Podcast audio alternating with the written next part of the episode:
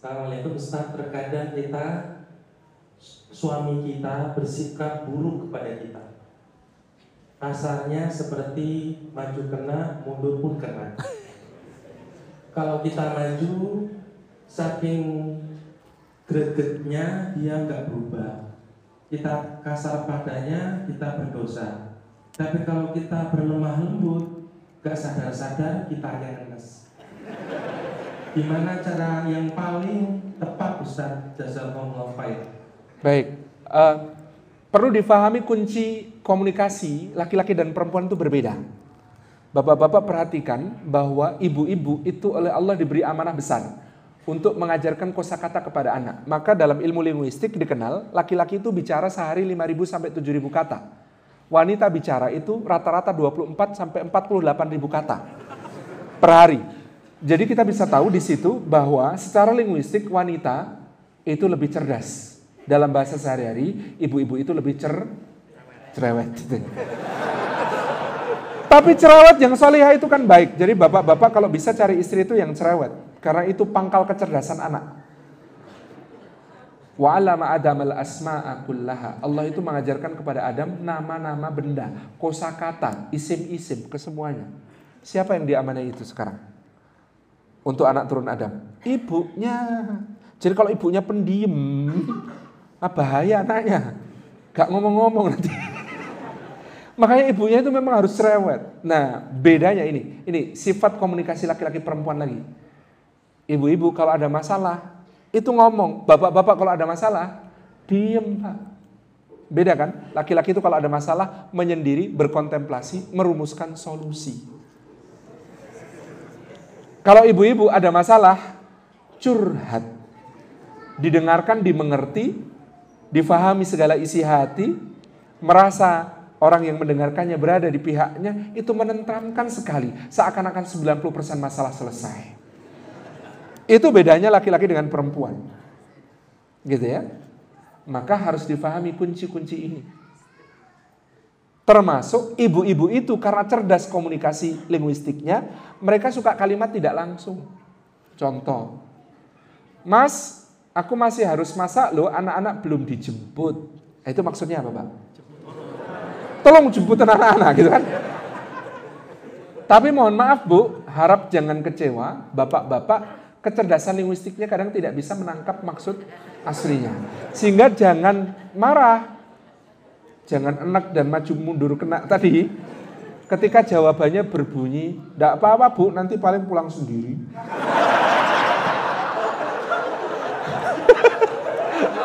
Kadang-kadang gitu ya, nggak nyambung. Jangankan itu, saya itu awal pernikahan Bapak Ibu, itu mengalami tragedi kalimat tidak langsung. Naik motor berdua sama istri saya lewat sebuah rumah makan, istri saya tanya, yang lapar enggak? Saya bilang enggak.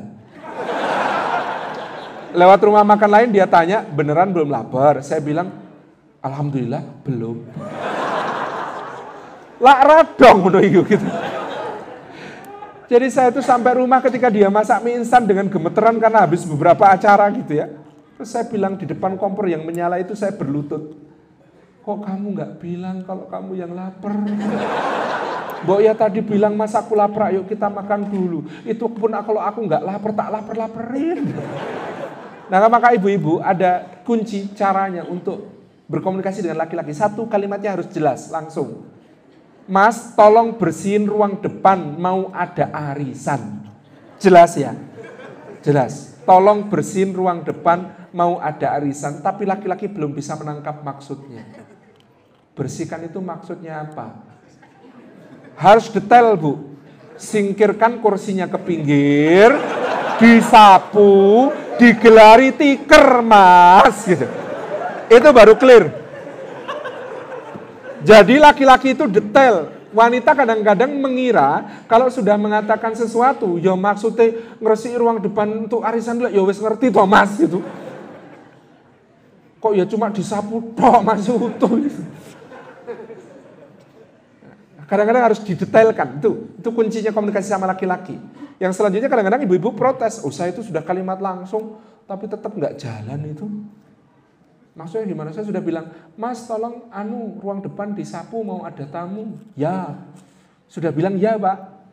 Tapi 45 menit kemudian posisi masih sama. Tetap baca koran atau tetap pegang gadget gitu. Ibu, eh, gimana Ustaz sudah? Kalimat langsung tetap nggak jalan. Oh, saya kasih tahu cara menaklukkan lelaki. Tidak ada lelaki yang tidak bisa dikendalikan dengan cara ini. Kalau mau nyuruh suami, Bu, usahakan posisi sejajar atau lebih rendah sedikit. Kalau dia lagi duduk, jangan ngomong sama dia sambil berdiri. Duduk di sampingnya, pandang wajahnya, senyum. Kemudian katakan, Mas, tolong ruang depan disapu ya, mau ada tamu. Kalau dia bilang, ya, jangan pergi dulu bu.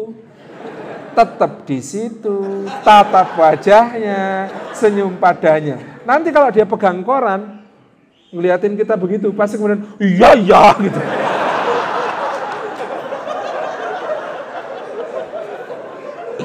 Jadi ternyata ada kunci-kunci di dalam komunikasi suami istri yang kemudian harus diketahui. Nyuruh lelaki itu memang nggak gampang bu, karena laki-laki itu single tasking. Beda dengan ibu-ibu multitasking. Ibu itu bisa mengerjakan beberapa pekerjaan sekaligus, sekali jalan. Laki-laki enggak. Dan itu kadang bikin anyel ibu-ibu. Mas mbok tolong itu ruang depan disapu. Terus habis ini kan mau ada arisan. Aku pesan lemper di Bujoyo 50 tolong diambil di Bujoyo ya mas. Itu bayarnya 350 ribu. Biasanya beliau itu suka ngorting tapi jangan mau dikorting. Kalau suka diungkit-ungkit aku nggak mau kalau diungkit-ungkit. Habis itu aku juga tadi sudah bikin air teh panas. Tapi jumbo kita itu rusak ya mas. Tolong mampir tempat ibu ya dari Bujoyo ya. Pinjem jumbonya. Yang warna hijau loh mas. Jangan yang pink. Malu aku kalau yang pink Terus habis itu mas, aku tuh juga pesan roti. Nah biasanya Bu Indri yang bikin roti itu suka lupa dipotong-potong. Nanti kamu cek dulu di dalam kotaknya itu. Sudah dipotong-potong atau belum. Kalau belum minta dipotong sekalian. Di rumah kita nggak punya pisau yang dipakai untuk motong itu. Awas kalau sampai lupa, nanti beli pisau sendiri berarti masnya ya. Itu di Indomaret nggak ada, harus ke mall.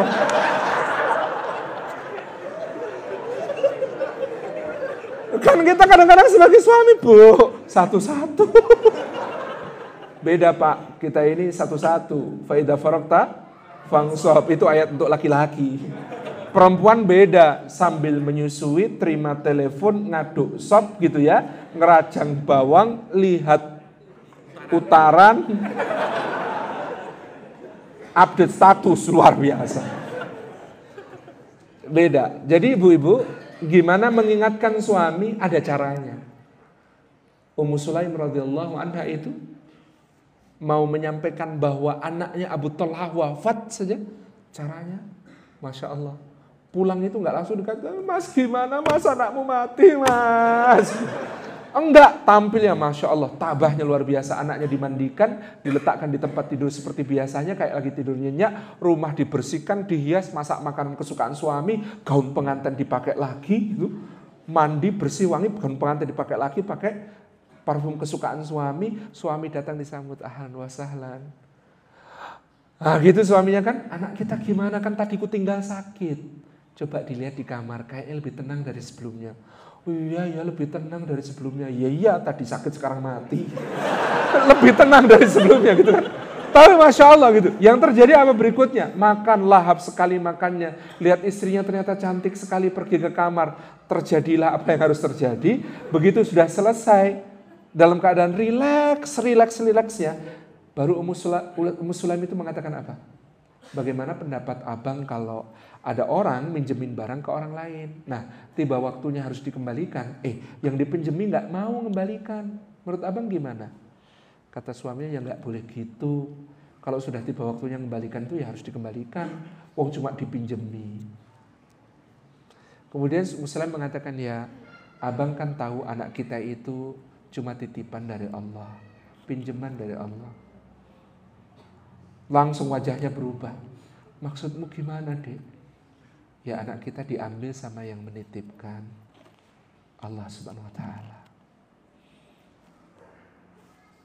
Kan ngeliatin sudah dalam keadaan habis-habisan gitu ya.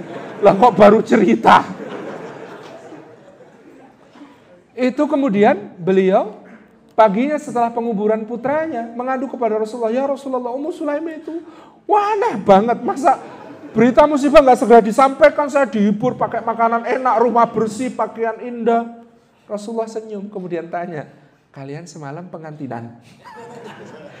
Kata Abu Talha, lah iya. Rasulullah berdoa semoga Allah berkahi malam kalian berdua tadi malam. Anas bin Malik cerita, dari malam itu apa yang terjadi? Ummu Sulaim hamil lagi. Lalu lahir putranya namanya Abdullah bin Abi Talha. Dalam sejarah Abdullah bin Abi Talha akan terkenal sebagai seorang orang seorang yang sangat berkah, punya tujuh anak, semuanya adalah hamilul Quran. Yang semuanya adalah Orang-orang yang kaya hidupnya berkah dermawan-dermawan besar pada zamannya. Itulah cerita bagaimana lelaki itu memang kadang-kadang perlu siasat untuk diberi nasihat maupun disampaikan sesuatu kabar yang mengejutkan kepadanya. Selamat berlatih, Bu. Itu.